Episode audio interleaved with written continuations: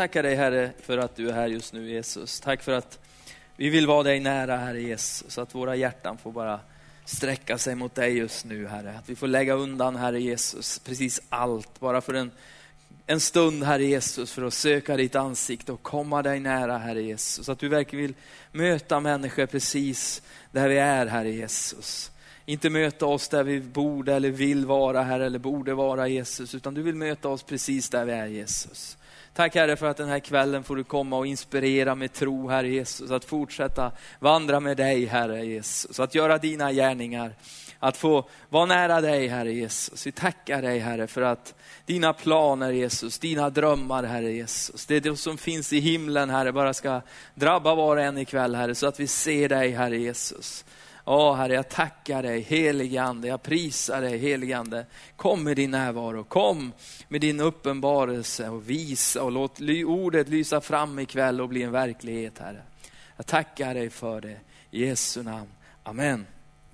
Vad kul att vi får samlas en fredagkväll till, inför Jesu fötter och inför Guds ord och massa roliga grejer. Det är härligt att vara frälst 2013. Det är underbart att vara frälst det här året. Det är härligt att vara frälst alla år. Eh, det är ju så att eh, vi kommer att skicka runt en liten lista här för dig som går gymnasie. För det är så vi har en gymnasiecellgrupp här i kyrkan. Och om du vill vara med där, träffas vid jämna mellanrum, så kan du skriva ner ditt namn och telefonnummer så kommer Josefin Malmborg. Är hon där? Ja. Att kontakta dig och ta hand om er och hon är jättesnäll på alla sätt och vis. Eh, så det är bra. Eh, allt möjligt är möjligt. Eh, liksom. Eller från den plats där du står i, i titeln på faktiskt kvällens ämne. För ibland så vill man gärna börja någon annanstans än man, där man inte riktigt är. Eh, vi talar om tro och vi kanske talar om tro i, i, olika former. Och man skulle liksom vilja att man hade en stor tro och mycket tro och stark tro och häftig tro och överlåten tro. En tro liksom som, som är liksom gränslös, att man trodde på Gud jättemycket helt enkelt. Man önskar det, eh, men man är inte riktigt där. Och där du sitter ikväll så är du precis där du är. Och det är utifrån det, därifrån du faktiskt kan göra någonting åt det. Det är det som är liksom grejen. Att det faktiskt går att få mer tro enligt Bibeln. Det går att öka eh, liksom på så att tron kan faktiskt växa. Eh, ja, det händer grejer här framme. Nu hoppade jag lite fel, det, det blev för långt. Där har vi den. Det här är min, en av mina favoritbilder. Vi har sagt till honom, det är omöjligt, men han vill inte lyssna. Eh, så är det. Det är mycket som säger till dig om saker som inte man kan göra. Omständigheter, sjukdomar, pengar. Många gånger säger pengarna till en att det går inte. Och varför, vad säger de då? Vi är för få. Vi är inte tillräckligt många. Vi borde vara flera. Men vi är, tillräckligt, vi är inte tillräckligt många för att du ska kunna göra det och det. Eller köpa det och göra så va? och så vidare. Eh, det är ju ingen här inne som har varit med om det någon gång, det vet jag ju. Du önskar massa prylar eller grejer eller kanske åka iväg på en teamresa eller liksom hänga på. Så här. Jag, jag kommer åka i februari nästa år till Peru till exempel. Och där är alla välkomna att hänga med. Flygbiljetten går på 12 000 Ja, precis. Då, då reagerar man lite grann direkt. Va? Men vet du vad? Det är möjligt. Om du vill är det möjligt. Jag tog bara ett exempel här. Det finns mycket man kan göra för Gud. Va? Det kostar alltid lite deg, eh, men det är möjligt. Men omständigheterna säger ofta att det är omöjligt och säger att det går inte. Eh, på alla möjliga områden. Men tron är grunden för att leva som kristen. Det är grunden. Tron är grunden. Någonstans så tror du, va? Du tror. Och frågan ställs ju också, vill du tro? Eh. För den är väldigt hårt kopplad till din vilja. Och vet du, tro det, det stavas, kan vi stava med andra bokstäver. Vi kan stava det risk också. Eller hur? Kan stava, det är lite risk att tro på Gud. va? Det är lite, lite spänningsmoment där. Man vet ju inte riktigt hur det här ska sluta och gå. Eh, det kan ju gå helt åt pepparn. Eh, men är man villig att ta den risken? Nu, nu, jag håller bara på att lägga upp det här just nu. Och tro är grunden för att leva som kristen och att bli en kristen. Tro handlar mycket om att leva och lita på Gud, hans ord och hans löften. I Hebreerbrevet 11 står det, utan tro är det omöjligt att behaga Gud. Ehm. Och direkt när jag pratar om de här grejerna, för jag är likadan själv, när jag hör någon predika om tro och liksom att man kan tro Gud liksom om saker. Va? Direkt så tänker jag om mig själv, ja, men jag har ju så lite tro. Jag är ju så, det är ju minus. Och så, och så brukar jag, har ni hört det här att ett senapskorn, har ni hört talas om det? Den grejen. Om du bara har ett, tror som ett litet, litet, litet senapskorn. Bara ett litet. Så kan du säga till det här berget, för Jesus sa det, häv dig upp och kasta dig i havet.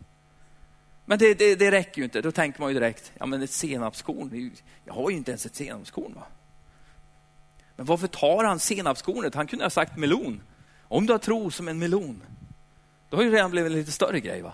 Eller tro som en pumpa, eller tro som en banan eller något annat. Men nu tog han ju faktiskt det minsta av alla frön som faktiskt blir ett träd någon gång i framtiden. Buske, typ. Ett träd, det beror var gränsen går riktigt. Men det är jättepluttigt. va? Han, drar, han tar det litet för att du och jag ska kunna liksom på något vis kunna känna med att vi kanske har lite tro i varje fall. Han, han gör det för att ge hopp, inte för att slå ner dig. Okej. Okay. Eh. I Hebreerbrevet 11, om du har en bibel med dig så kan du slå upp den. För där står, eller om du inte har det så kan du liksom memorera in. Det är ganska enkelt att hitta i bibeln, Nya Testamentet, Hebreerbrevet och så 11. Och där står det jättemycket om tro. Om människor som har levt av tro och så vidare. Där radas det upp troshjältar och så vidare. Eh. Nu ska vi hoppa dit. Där kom den. Så gör vi så. Så. Eh. Jag vill kunna kasta berg i havet. Jag tyckte det var en rätt skön bild. Det är väl typ på väg där eller något va? Alltså jag vill att den tro jag har ska kunna liksom påverka och göra någonting. Jag vill inte bara säga med min mun att jag, jag, jag är troende. Utan jag vill kunna visa liksom också att, att, att tron verkligen fungerar, att det är något med den på något vis. Va? Att den är äkta och verklig. Eh, att det finns liv där. Vad smått alltså. Vi, vi läser härifrån. Guds ord och Guds ande är redskap för att uppenbara detta för oss så att vi kan börja leva i Jesus steger istället för att leva i våra egna nederlag och egna begränsningar. Alltså, Guds ordet, Bibeln. Tron är en gåva. Alla människor har fått den. Alla människor kan tro. Du har förmågan som människa att tro. Jag har vandrande pinnar där hemma. I en burk, två stycken, inte jag, Jonathan. Sune och Håkan heter de. Vi ska försöka få dem att liksom föröka sig. Va? Det går inget bra. Men nu, nu börjar de vara så här långa. Nej, evangelistiskt, så kanske. Men vet du vad? Jag vaknar på morgonen, går ner till dem. Tjena Håkan. Tjena Sune. Vad är det för dag idag? Underbar dag. Amen. Segerdag idag. Vi tror på Gud idag. Vad tror ni om den här dagen? Va? Förlåt? Det är ju som bara en gripande pinne som rör sig lite så här. De har ju en dans för sig, de står så här. Mm. Det är vad de gör och så sen är de som en pinne. Och vad de äter, det vet jag inte riktigt. De växer och så bajsar de. Så någonting måste de äta, men jag vet inte vad. Jag är stor djurvän faktiskt. Men vi människor är liksom lite unika på det där sättet. Vi kan tro saker. Vi kan drömma om grejer. Vi kan planera vår framtid. Vi kan visionera över hur saker och ting kan bli. Vi har drömmar och liksom saker som liksom vi vill göra. Och det kan vara små saker. Du kanske vill börja en dansgrupp eller du kanske vill, nej men vad som helst. Sune-Håkan har ingen liksom, idé om att börja en dansgrupp.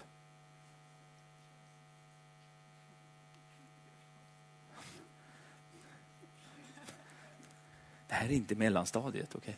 Okay? Men vi, vi, kan ju vara... För, varför? För du är människa. Och vet du vad? Tron kan växa. Säg det till den som sitter bredvid dig. Tron kan faktiskt växa. Nej men, nej, men det där är min mobil, du säger till Adam. Den kan växa och bli större, eller starkare, eller mer. Eller om vi säger så här, din förtröstan på att Gud är större än allting runt omkring dig kan bli ännu mer. Va? När man är nykär så då är man ju så här sprallig liksom och glad. Men man är ju samtidigt lite nervös också, för man vet ju inte riktigt, man känner ju inte den andra parten så alldeles supermycket. Så det kan ju tänkas att man ringer så här några gånger och bara, hallå, hej. Och så hör man på rösten och så bara, allt är bra, bra. Och så kanske det går några timmar och så ringer man igen bara för att kolla. Va? Hej, hej älskling, älskar du mig? Ja, jag älskar dig. Ja, så här. Och så håller man på så där. Va? Men grejen är att kärleken växer på något vis. Förtroendet växer. Man litar på varandra mer. Och det blir som starkare. Så, så jag kan lova dig, jag kan faktiskt säga så här att min fru älskar mig. Va? Jag vet det. Jag behöver inte ringa och kolla det precis just nu. Och jag är inte ett dugg orolig för att hon håller på att hitta på något dumt nu heller. Det är säkert. För jag litar på henne. Och vet du vad? Tron på Gud kan växa. Att du förtröstar mer och mer på Gud i ditt liv. Så när du nu möter på svårigheter, berg, så faktiskt kan du gå igenom saker. Akta på er berg. Jag ska till Peru, va? det kostar 12 000 kronor, men jag vet att min Gud, han kommer att förse. Jag vet att det här kommer att ordna sig. Jag vet att jag kommer att få ihop de här slantarna på något vänsters. Jag är inte rädd. Gud, jag, jag, du har sagt att jag ska åka. Jag ska åka, jag ska iväg, jag ska predika ditt evangelium. Och tron bara växer. Guds ordet, det är som bränsle för tron. Va? Predikan, att lyssna på undervisning, att läsa Guds ord.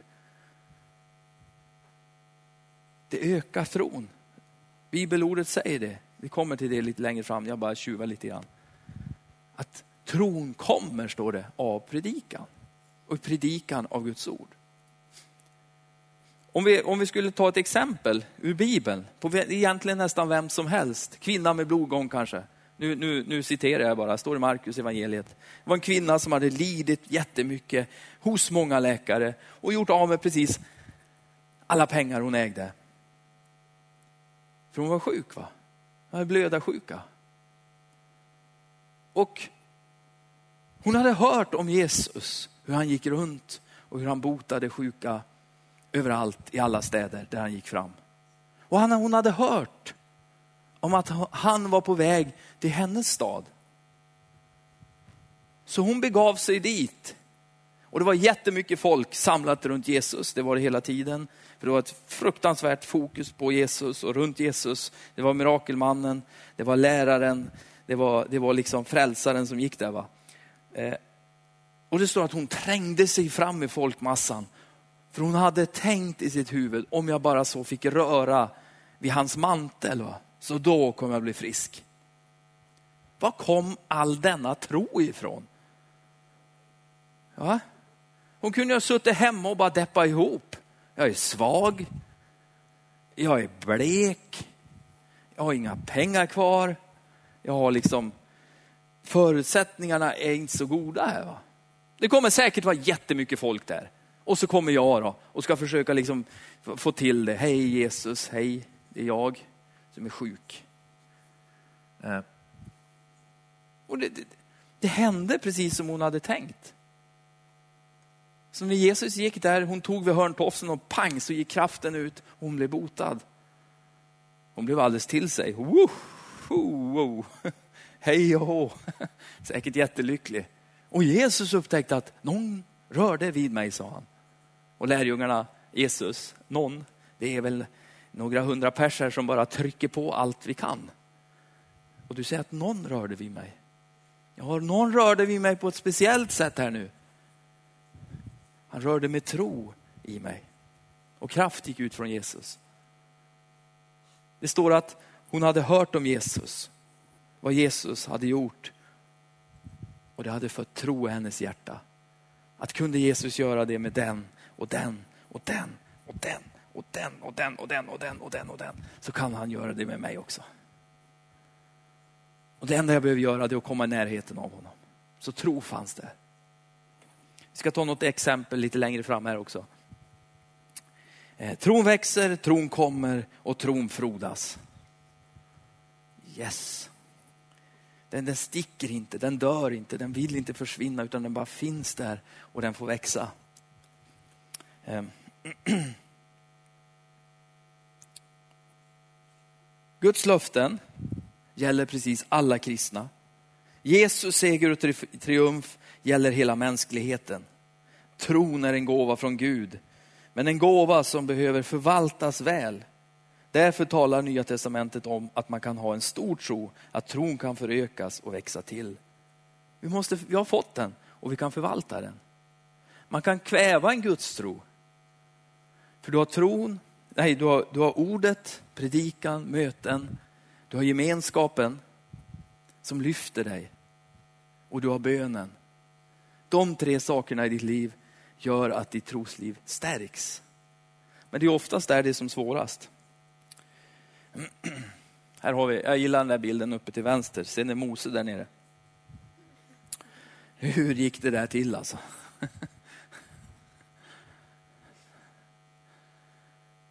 Har ni tänkt på det Mose alltså? Vilken troshjälte i Bibeln.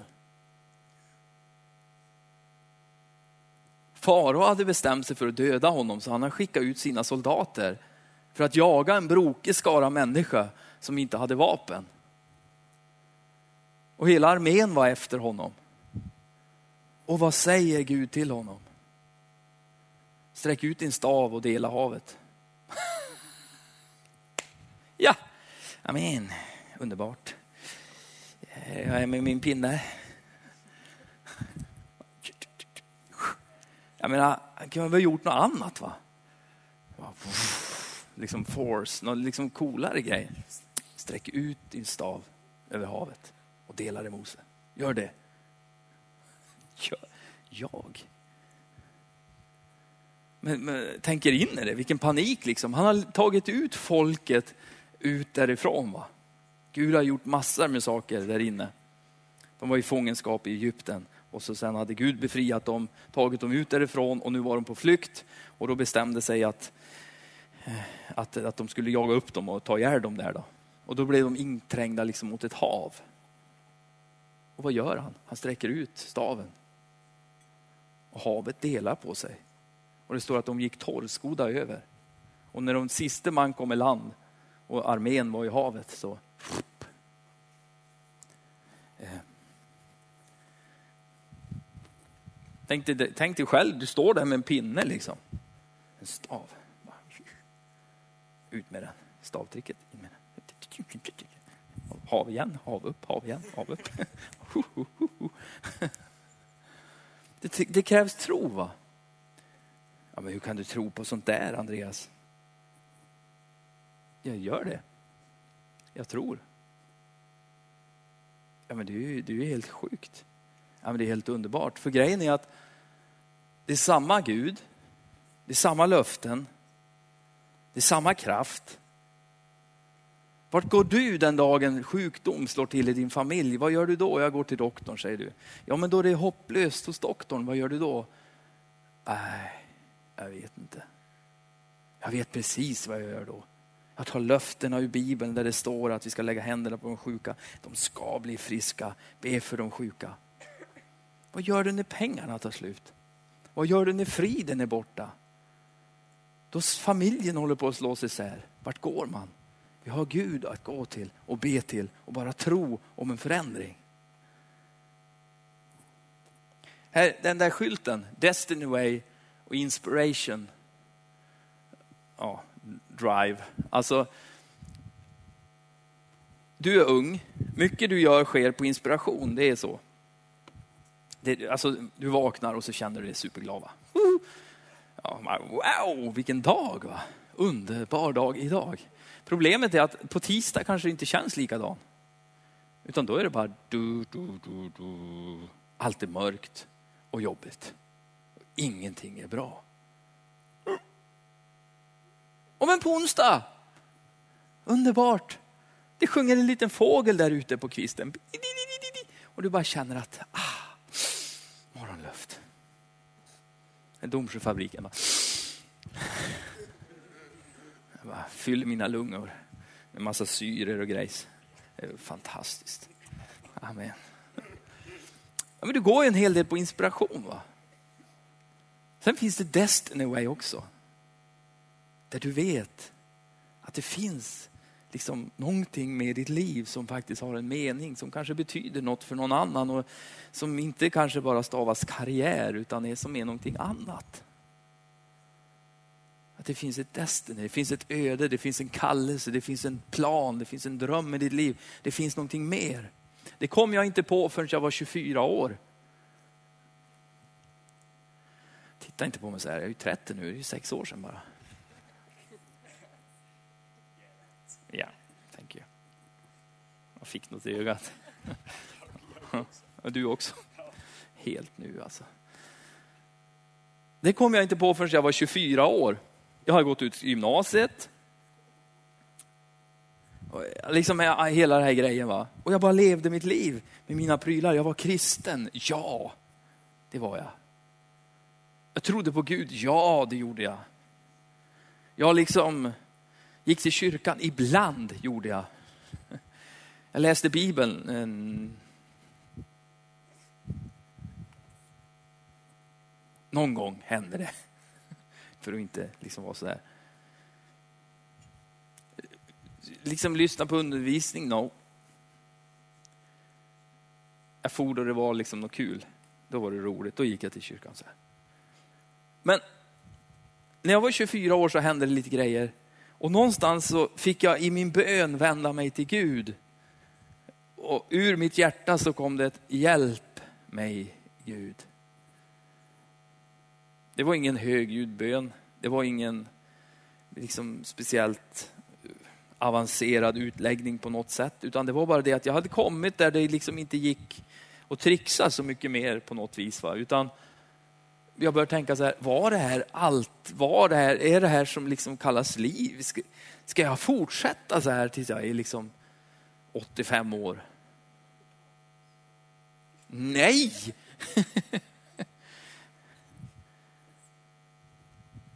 Och då där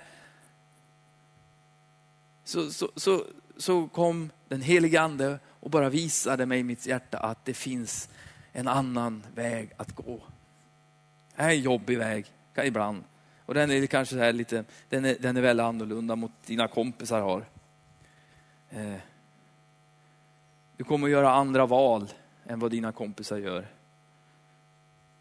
Men det kommer att vara fantastiskt för du kommer att lära känna mig mer än den väg du hittills har gått. Och nu då, de senare 20, nej det är inte 20 åren, utan de alltså, 17 åren.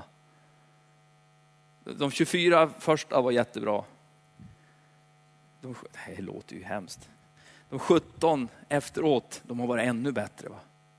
Efter gudsmötet. Där jag i mitt hjärta bestämde mig för, nej Jesus, jag tror ju på dig. Och då vill jag leva ett liv som verkligen visar på att jag tror dig, på dig. Då vill jag verkligen leva ett liv som jag kan säga att jag tror på Gud och jag, jag alltså att det Guds ord säger om mig att det är sant. Och det Bibeln påstår är sant, är sant. Och börja leva efter det. Och det tog en helt annan fart. Så ifrån att vara en inspiration driver, liksom, så gick jag över till att bli en Destiny. Jag gick över på Destiny way, jag liksom gick över på den vägen. För jag visste att det finns ett högre kallelse. Människor måste få höra om Jesus. Människor behöver hjälp i den här världen. Jag är kristen, jag tror på en Gud som är mäktig att göra under. Människor behöver höra det. va? Det gick jag och väntade på tills jag var 24 år. Jo, då, så att... Och där kryssades också över allting som var omöjligt blev möjligt. Jag tänkte Bibeln är ganska stark i sin, i sin uttryck av vad tro är. För den som tror är precis allt möjligt. Tjo. Tänk på den en stund. va. Här har vi några killar från Hebreerbrevet 11, 33-36. Det här gillar jag. Genom tron besegrade de kungariken, skipade rätt, fick löften uppfyllda, täppte till lejonskap, det är ju Daniel, släckte rasande eld, undkom, undkom svärdsägg. Det var svaga men blev starka, det blev väldiga i strid, det drev främmande herrar på flykten. Kvinnor fick tillbaka sina döda genom uppståndelse. Andra torterades, torterades och de vägrade att låta sig befrias för att få en bättre uppståndelse. Andra utstod hån och gisselslag, ja även bojor och fängelse. Om man fortsätter läsa där så var de söndersågade och ituslitna och de var ju i en fångenskap under en kille som gillade att riva sönder människor. Här har du de här tre grejerna jag pratar om. Gemenskap, bön och bibelläsning. Eh, kan få din tro att, att växa. Minns ni när lärjungarna var ute och åkte båt? Ja, de gjorde ju det hela tiden för de var ju fiskare. Okay. Men det var en gång ett speciellt tillfälle. Då, då, då var det så här va? att Jesus hade sagt åt dem, åka över på andra stranden, sidan. Han skulle vara kvar själv en stund. De satt iväg och världens storm kom ju. De höll ju på att gå under. Det var Jesus som sa åt dem att åka. Jättekonstigt. Och då kom det någon gåendes på vattnet där. Först blev de jätterädda. En snubbe på vattnet. En vålnad. Vi ser syner. Vi är luttrade fiskare. De nöp sig i kinderna och slog varandra på munnen och liksom höll på för att bara försäkra sig om nej. Till slut när han kom närmare och såg, det är Jesus. Då reagerade de lite olika i den där båten. va. Vi hade ju Thomas, han hade ju surrat fast sig vid, han hade liksom dubbla flytvästar och så hade han surrat fast sig runt masten där och så hade liksom en åra och så här, äh, nödblås och grejer överallt. Va? SOS gick ut redan. Di, di, di, di, di, vi håller på att sjunka. Så här, va? Äh. Men Petrus hade något annat. Liksom. Han går på vattnet. Man kan gå på vattnet. Kan jag gå på vattnet? Superspännande. Så Petrus testade Jesus och sa, om det är du Jesus, så säg då att jag ska komma. Jag gissar Jesu reaktion bara, what? Jodå Petrus, kom du bara. Och han gick på vattnet. Det går inte att gå på vattnet. Men han gick på vattnet. Sen sjönk han. För han tittade på, på alla vågor och hur stormigt och allt möjligt och hur det egentligen var. Då sjönk han. Men Jesus lyfte honom upp och så gick de tillbaks till båten. Det tycker jag är skönt att de gick tillbaks till båten. Petrus simmade inte utan han gick med Jesus tillbaks till båten. Och du och jag som kristna, vi måste faktiskt ut. Du kanske har räknat ut allting redan. Hur allting ska gå till. va? Tänk om Jesus skulle kalla dig till Kina. Du ska bli Kina-missionär. Nej, det går inte. Nej, okej, okay, bra. Jag kanske vill att du ska berätta om, för någon kompis till dig om Jesus. Om det du har upplevt. Nej! Jag är så, jag, nej men jag kan inte, jag kan inte säga något till någon. Det går inte. Nej. Men vet du vad?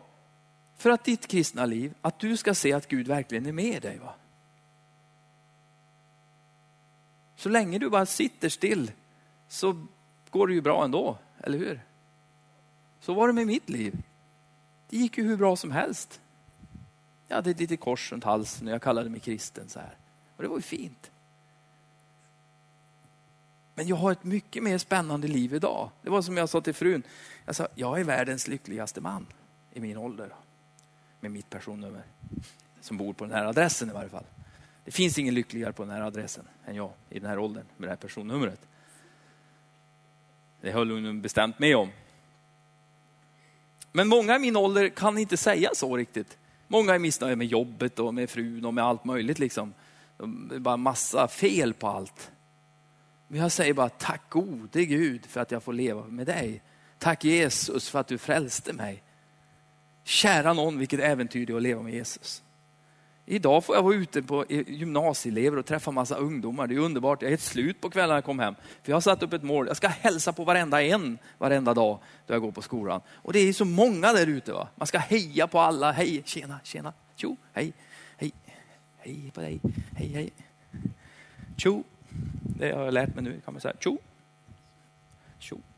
Nej, men, och det är så kul va. Jag behöver inte sitta hemma en fredagkväll och titta på körslaget. Nej, det är på lördagar. På Idol.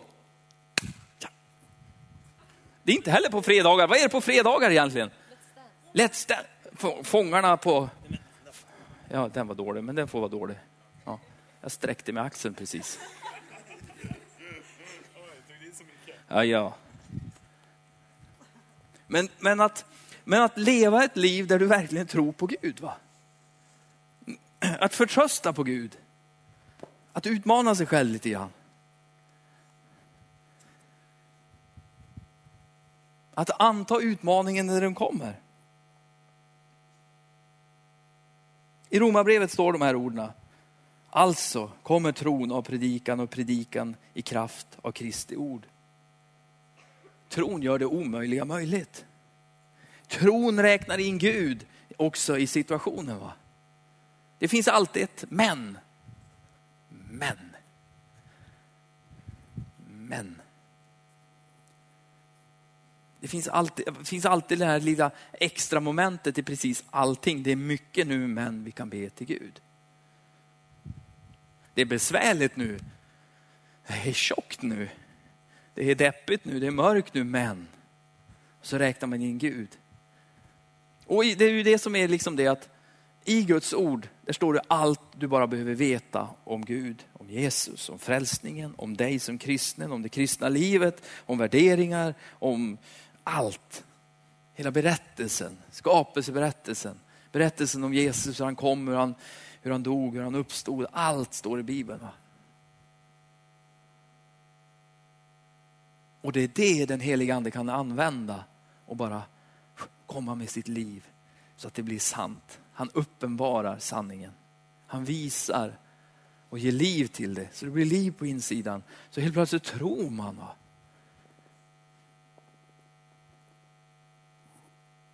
Jag är lite nervös.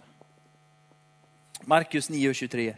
Jesus sade till honom, om du kan säger du, allt förmår den som tror. Precis allt förmår den som tror. Bönen när du sitter och snackar med Gud, då kommer han att snacka med dig.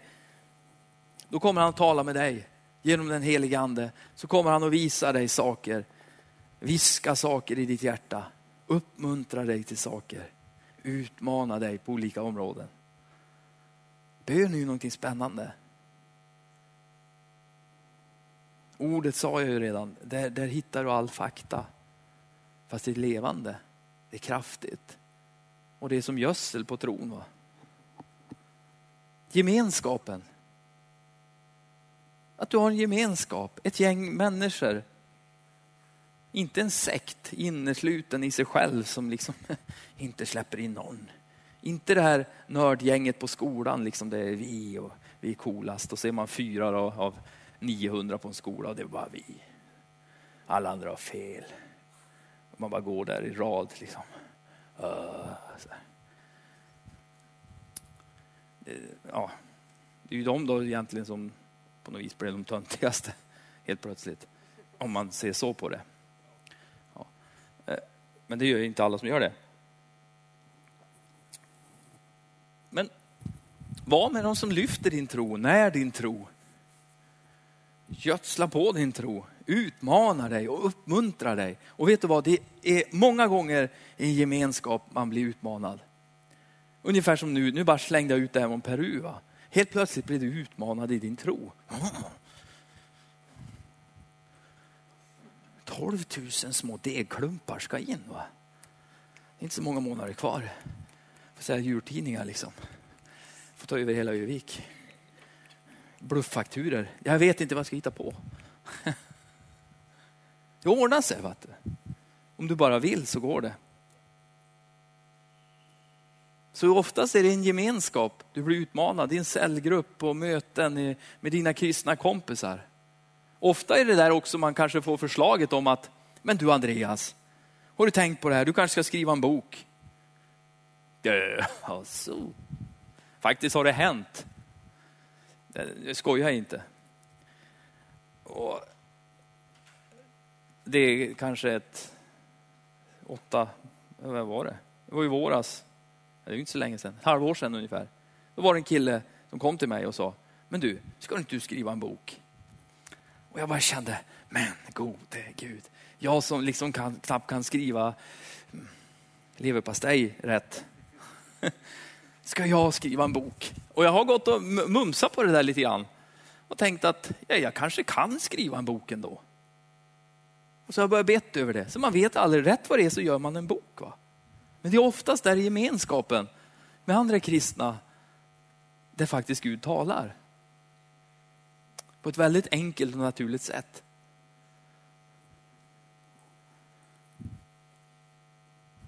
Så ja, du kan kasta berg i, haven, i havet.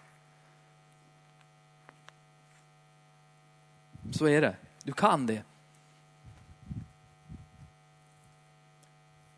Är det någon som har liksom en kristen, du, någon ledare, någon du känner, någon du vet om liksom, som du bara tänker på, wow, vilket Guds liv liksom. Du kanske inte har det, jag har några. Och Grejen är att de, de, de, de börjar ju inte där de är nu. Va? De har kommit dit de är nu. Och för att komma dit du är nu, och där du är nu har du ju kommit på något sätt, va? eller hur? Ja, så är det ju. På grund av olika val och beslut du har fattat i livet, och omständigheter och allt möjligt. va? Och grejen är ju, frågan är ju bara vart, vart vill jag komma eller vart vill Gud att jag ska komma i mitt liv? Bara börja tänka den tanken. Du kanske har någon, du kanske har några andra idéer än vad jag har. Och i bön och i, i bibelläsningen, i gemenskapen och lyssna på Guds ord. Det här är väldigt grundläggande det jag håller på med här ikväll. Men jag vill bara hjälpa dig i din tro. Va? För det var det som hjälpte mig. För där vid 24 års ålder, då, då, blev det liksom ganska radikalt för mig det här med att gå med, gå med, med Jesus. Så jag fick liksom fatta vissa beslut att det här gör jag inte som kristen längre.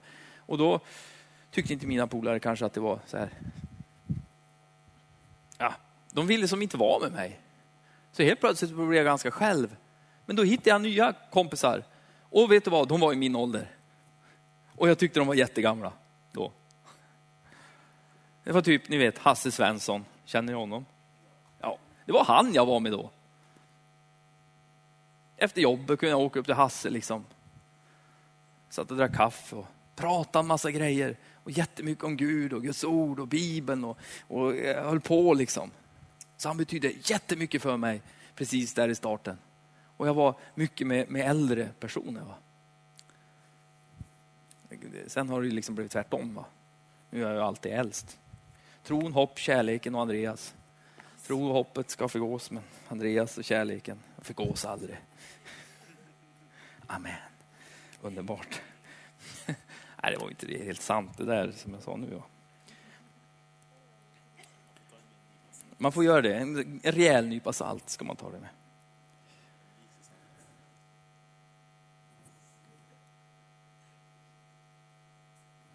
Vi ska ta och be lite grann här i slutet. Och jag tror att alla vi, vi har något form av berg och något beslut som ska fattas och någonting som ska göras som vad det gäller framtiden. Va? Alltså det, det har man oftast vad ska jag jobba med eller vad ska jag bli när jag blir stor eller vad ska jag gå för, liksom, vilken skola ska jag söka in på och så vidare och så vidare.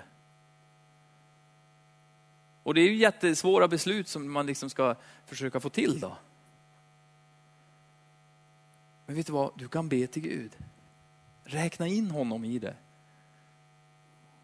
Men jag hör ju aldrig, jag hör aldrig någonting. Nej, men prata med någon bror och syster. Hör vad de har att säga om det då.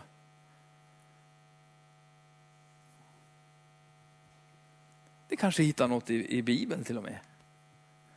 Om det.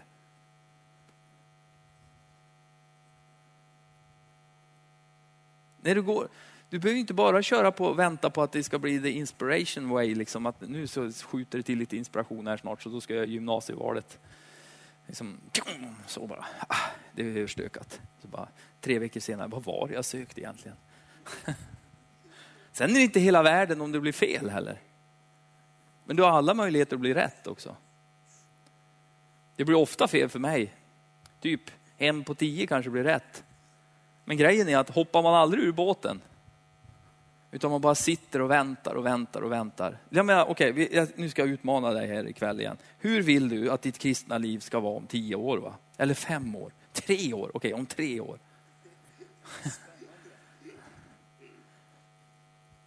och det här, det här blir jättejobbigt för någon nu, det förstår jag. Men bara tänk, våga tänk tanken lite grann. Om tre år. Ja.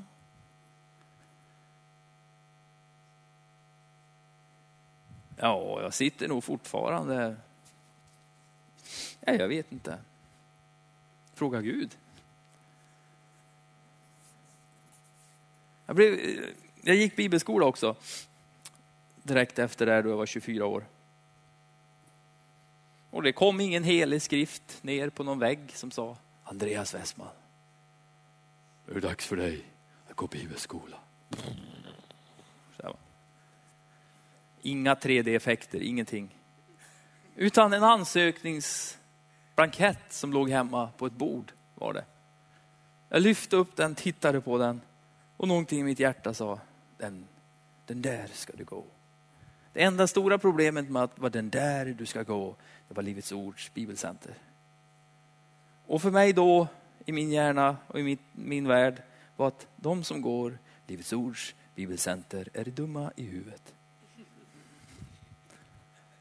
Helt enkelt. Ja men så var det på riktigt alltså. Jag bara, alltså det sa nej här och ja här. Och det blev totalt så här hjärnbryt liksom. Nej, ja, nej, ja, nej, ja. Vad gjorde jag? Jag fick lov att be, läste Guds ord och umgicks med andra kristna. Och någonstans där så bara föll det ner i mig att jo men det är där jag ska gå. Och så blev det så. Och jag märkte att de var inte mer dumma i huvudet än vad jag var. Utan ungefär lika dumma. ja. Eller smarta eller fina. Eller bra. Det var helt underbara, underbara år var det på bibelskola. Eh, där har du en utmaning. Du kanske ska gå en bibelskola? Jo,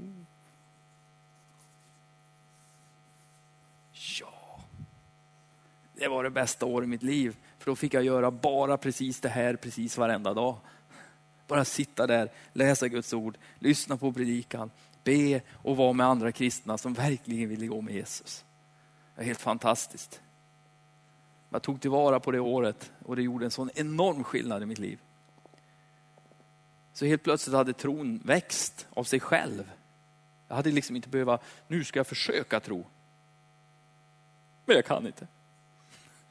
Utan den hade växt. Du vet, du går på gym, då växer ju musklerna. Va? Alltså, man vill ju att de ska växa fortare. Ja, jag vet, alltså, du är helt hänförd. Där är utgången. Ja. Men, men de är ju, du är ju som du är va. Och det blir det resultat det blir. Och det är samma sak med tron. Men ibland så är man ju man, man, man står där förundrad. Man lever på, Man lever på liksom den här världens mat och endast den. Eh, man, man tar inte hand om den tro man har fått. Och så är man förvånad över att den inte riktigt håller. Utan när någon kommer med någonting och säger något. Nej men Gud, han kan ju inte ha skapat jorden heller. Du är ju helt dum i huvudet. Så då bara, ja. Jag är nog helt dum i huvudet. Det kan nog inte vara så.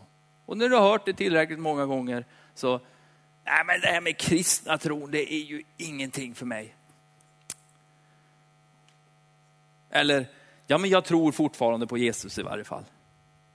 Det ska inte vara din ribba och jag tror i varje fall lite grann på Jesus i varje fall. Du ska ha en övervinnande tro som kastar berg i havet. Där du liksom råder över omständigheterna. Så när det händer grejer så bara slänger du dig på Gud och ropar Gud. Jag vill förändring här. Va? Det ska inte fortsätta vara så här. Din klass kanske, liksom, de kanske inte alls tycker att du är bra att du är kristen. Du kanske går på en gymnasieskola eller något och de, de, tycker inte alls det är kul att du är kristen. Vet du vad? Släng dig på Gud och bara ropa till honom och bara be att, att han ska börja röra vid dem. Bara be och välsigna dem. Vet du vad? De eleverna, de är helt annorlunda när jag träffar dem.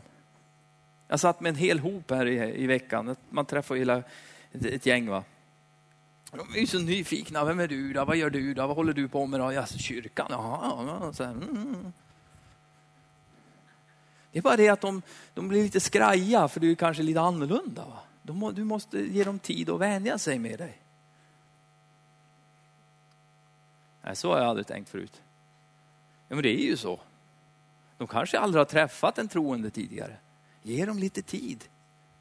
Du ska inte vara nerslagen. Eller liksom, nej, vad jobbigt.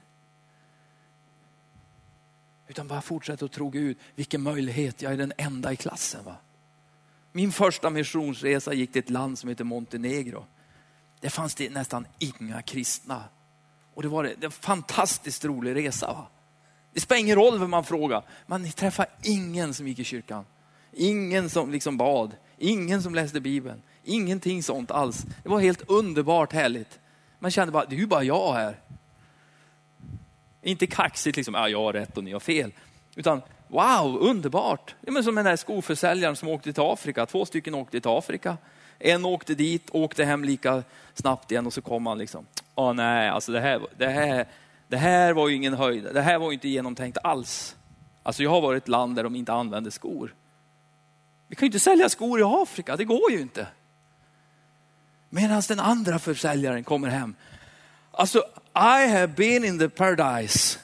Ingen använder skor. Jag har sålt så vansinnigt mycket skor så ni förstår inte. Vilket underläge. Vi har dojorna, de har fötterna. Vilket upplägg. Vi har skorna, de har det inte. Vi säljer hur mycket skor som helst. Tron gör någonting annat av situationen. Förändrar den. Se den från ett annat håll. Ser alltid möjligheten. Inte för att du är duktig, smart, snäll, trevlig, vilket du är och allt det här. Utan därför att du räknar bara in Gud i allting. Nu vänder vi upp och ner på den här skolan. Ja, vi är så få kristna. Det spelar ingen roll. Jesus, han var ju som ensam han nästan. Då han kom. Sen blev de tolv. Alltså, ja, precis. Nej, matte har aldrig varit min grej, va? de blev ju som 13 då. Ja. Och, och, så några till. Nej, men det var ju många som följde Jesus och så. Va? Men tänk om han har kommit ner till jorden och så bara, nej, hörde Gud, det här måste vara fel planet. Det här kan, det här, nu, nu, nu, det gick snett det här. Vi tar upp mig igen och så skickar vi iväg med någon annanstans. Va? Det, det blev fel. Nej, det blev ju helt rätt. Han hamnade ju precis där han skulle vara, hit på jorden. Mitt bland alla syndare. Helt underbart. Tack gode Gud för det. Amen. Så låt oss bara be här nu. Vi kan knäppa våra händer och så ber vi tillsammans. Och är det så att du har liksom berg och svårigheter och liksom så här va. Låt oss tillsammans bara tro Gud om en förändring. Jag har sett Gud göra så otroligt mycket i mitt liv. Och det är också en, en trostärkande sak. Fast kanske inte gör direkt att tron växer på det sättet. Som bibelläsningen, som Guds ord, som predikan gör. Som bönen och gemenskapen. Men som verkligen kan inspirera en att fortsätta tro. Det är när man ser Gud göra saker. Se Guds hjälp, se Guds hand rakt ner i sin lilla vardag. Se hur Gud kommer och förändrar saker. Hur han vänder det som var mörkt till ljust.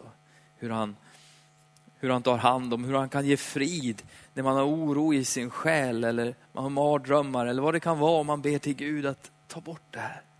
Eller man ber några kompisar att be för en och hjälp i bön och, och bara tro Gud om en förändring och se hur Guds hand bara ändrar på saker och ting till det bättre. Jag tackar dig himmelske Fader för den här kvällen Herre. Tack Gud att hela våra kristna tillvaro bygger på tro. Att tro på dig Gud, att räkna med dig, att i våra hjärtan förtrösta på att du är en god Gud, en kärleksfull Gud, en nådefull Gud, en Gud som håller att tro på, en Gud som är verksam, en Gud som är densamma igår, idag, för evig tid. Där Guds ord och där löftena gäller idag, att det kan vara det mest fascinerande och härliga liv man kan ha i att leva med Jesus är att leva med dig, Herre Jesus. Att ta in dig i alla omständigheter, Herre, och räkna med en förändring, Herre Jesus. Inte bara reagera, Herre Jesus, och liksom på, på det som händer, utan var den, Herre, som bara ser till att saker och ting förändras. Se till att saker och ting ändrar på sig i bönen, i, i, i tron på att du verkligen kan och vill förändra olika situationer. Jag ber för skolorna just nu, Herre. Jag ber för alla de här ungdomarna oavsett vilken skola de går på, Herre.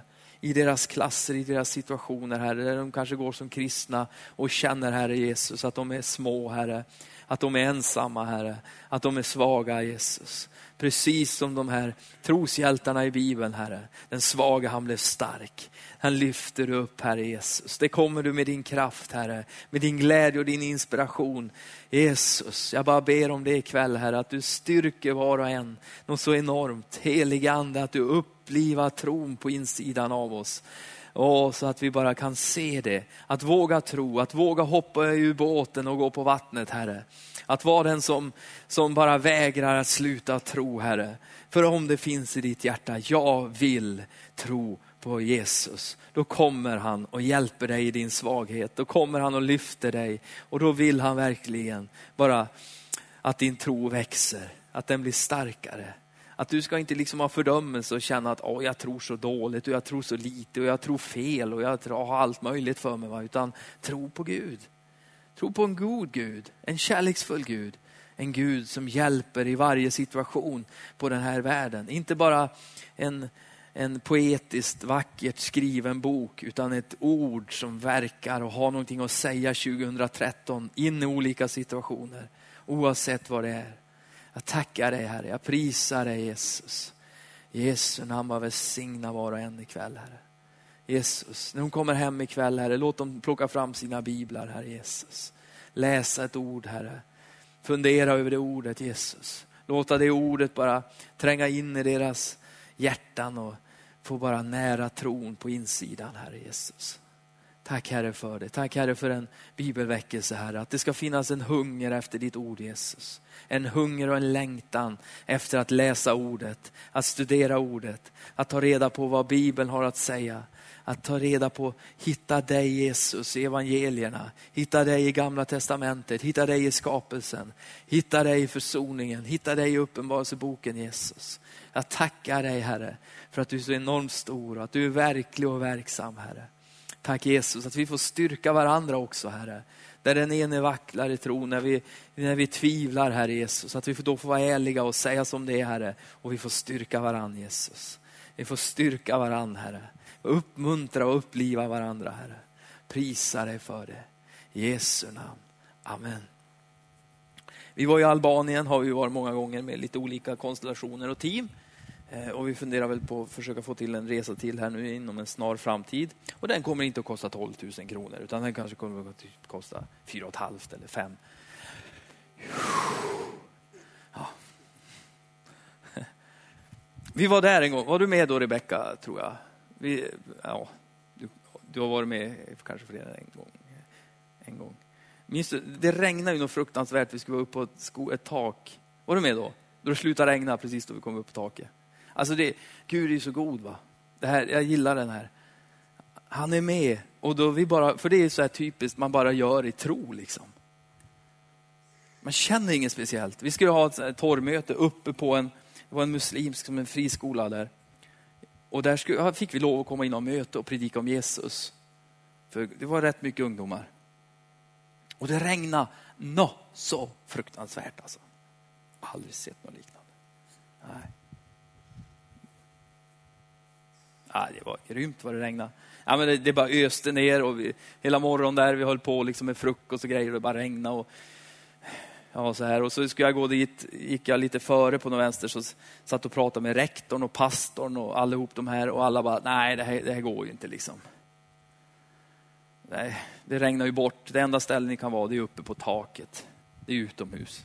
Och det bara regnar ju något så fruktansvärt. Men just där och då, då bara liksom bestämt, nej gode gud, vi har inte åkt ända ner till Albanien för att se saker och ting bara regna bort. Va? Vi har inte gjort det. Så då sa jag till den här rektorn, jag sa du, det kommer att sluta regna. Och så sa jag det åt honom. Jag har inte åkt ner hit för att ställa in det här. Va? Utan vi kommer att köra och det kommer att sluta regna. Och det var ju ganska högt hus, eller jag vet inte, fyra, fem, sex våningar. För en gamling som jag kändes det som 15. Ja, man gick, det var ju trappor upp där givetvis. Och man tittar ut genom fönster och det bara regnar. Liksom. Man tittar ut, nej det regnar fortfarande nästa våning, det fortfarande regnar det. Och jag har sagt åt den här rektorn att det kommer att sluta regna. Och men då vi kommer upp på taket och öppnar dörren, då bara, whoop. Det regnade inte då. Och det var som ett gripande hål i, i himlen när det inte regnade på oss. Vi bara, uh. helt plötsligt så liksom, man var ju lite så här, ah, vad har jag sagt liksom? Vad ska jag säga nu då? Jag sa ju liksom att Gud ska se till att det slutar regna. Vad säger jag om det inte slutar regna? Men det är så, tro är risk. Men det blev ju som ett litet vittnesbörd för han. Bara, ja, jo, ja. Och jag blev hur kaxig som helst. Liksom. Jag och Gud. Så, så, så tro på Gud är ju jättespännande. Det är ett fantastiskt liv man kan ha tillsammans med Jesus. Det finns ju hur mycket som helst, hur mycket berättelser som helst som Gud har gjort. Jag hittade en gammal berättelse från 1400-talet, ursäkta mig, men nu, ja, det här är det sista. 1408. Det, det, det, det, var en munk, det här var faktiskt lite fränt, det var en munk som hade fått någon böldpest på något vis, han höll på att dö. Och eh, han skrev ner hundra stycken mirakler som Gud hade gjort. Och han sa så här. Om jag blir frisk Gud, eller han sa egentligen tvärtom, jag kommer att skriva ner de här miraklerna. Och så utmanade han Gud i ett helande. Och så fort han satt sin penna och började skriva så blev han frisk. Så skrev han ner hundra mirakler. Och det är inte liksom att det var en som hade lite ont i tån. Utan och det här är munkar, det här är alla möjliga konstiga människor, ordrar hit och dit. Men troende människor som trodde på Jesus där. För jättemånga år sedan är ju det. Hur en kille till exempel gick ner genom isen, han drunknade och försvann. Fick inte upp han förrän liksom långt senare på natten fick de upp honom. De bad och greja. Stod att de hällde i varm öl i mun på honom. Och vet du vad? Pojken började leva igen bara ett mirakel. Så. De prisade Gud där och var glada. Så, Gud gör saker och har alltid gjort saker och kommer fortsätta att göra saker. Och du och jag kan få vara med och bara få se det hända. Och se tron växa. Amen.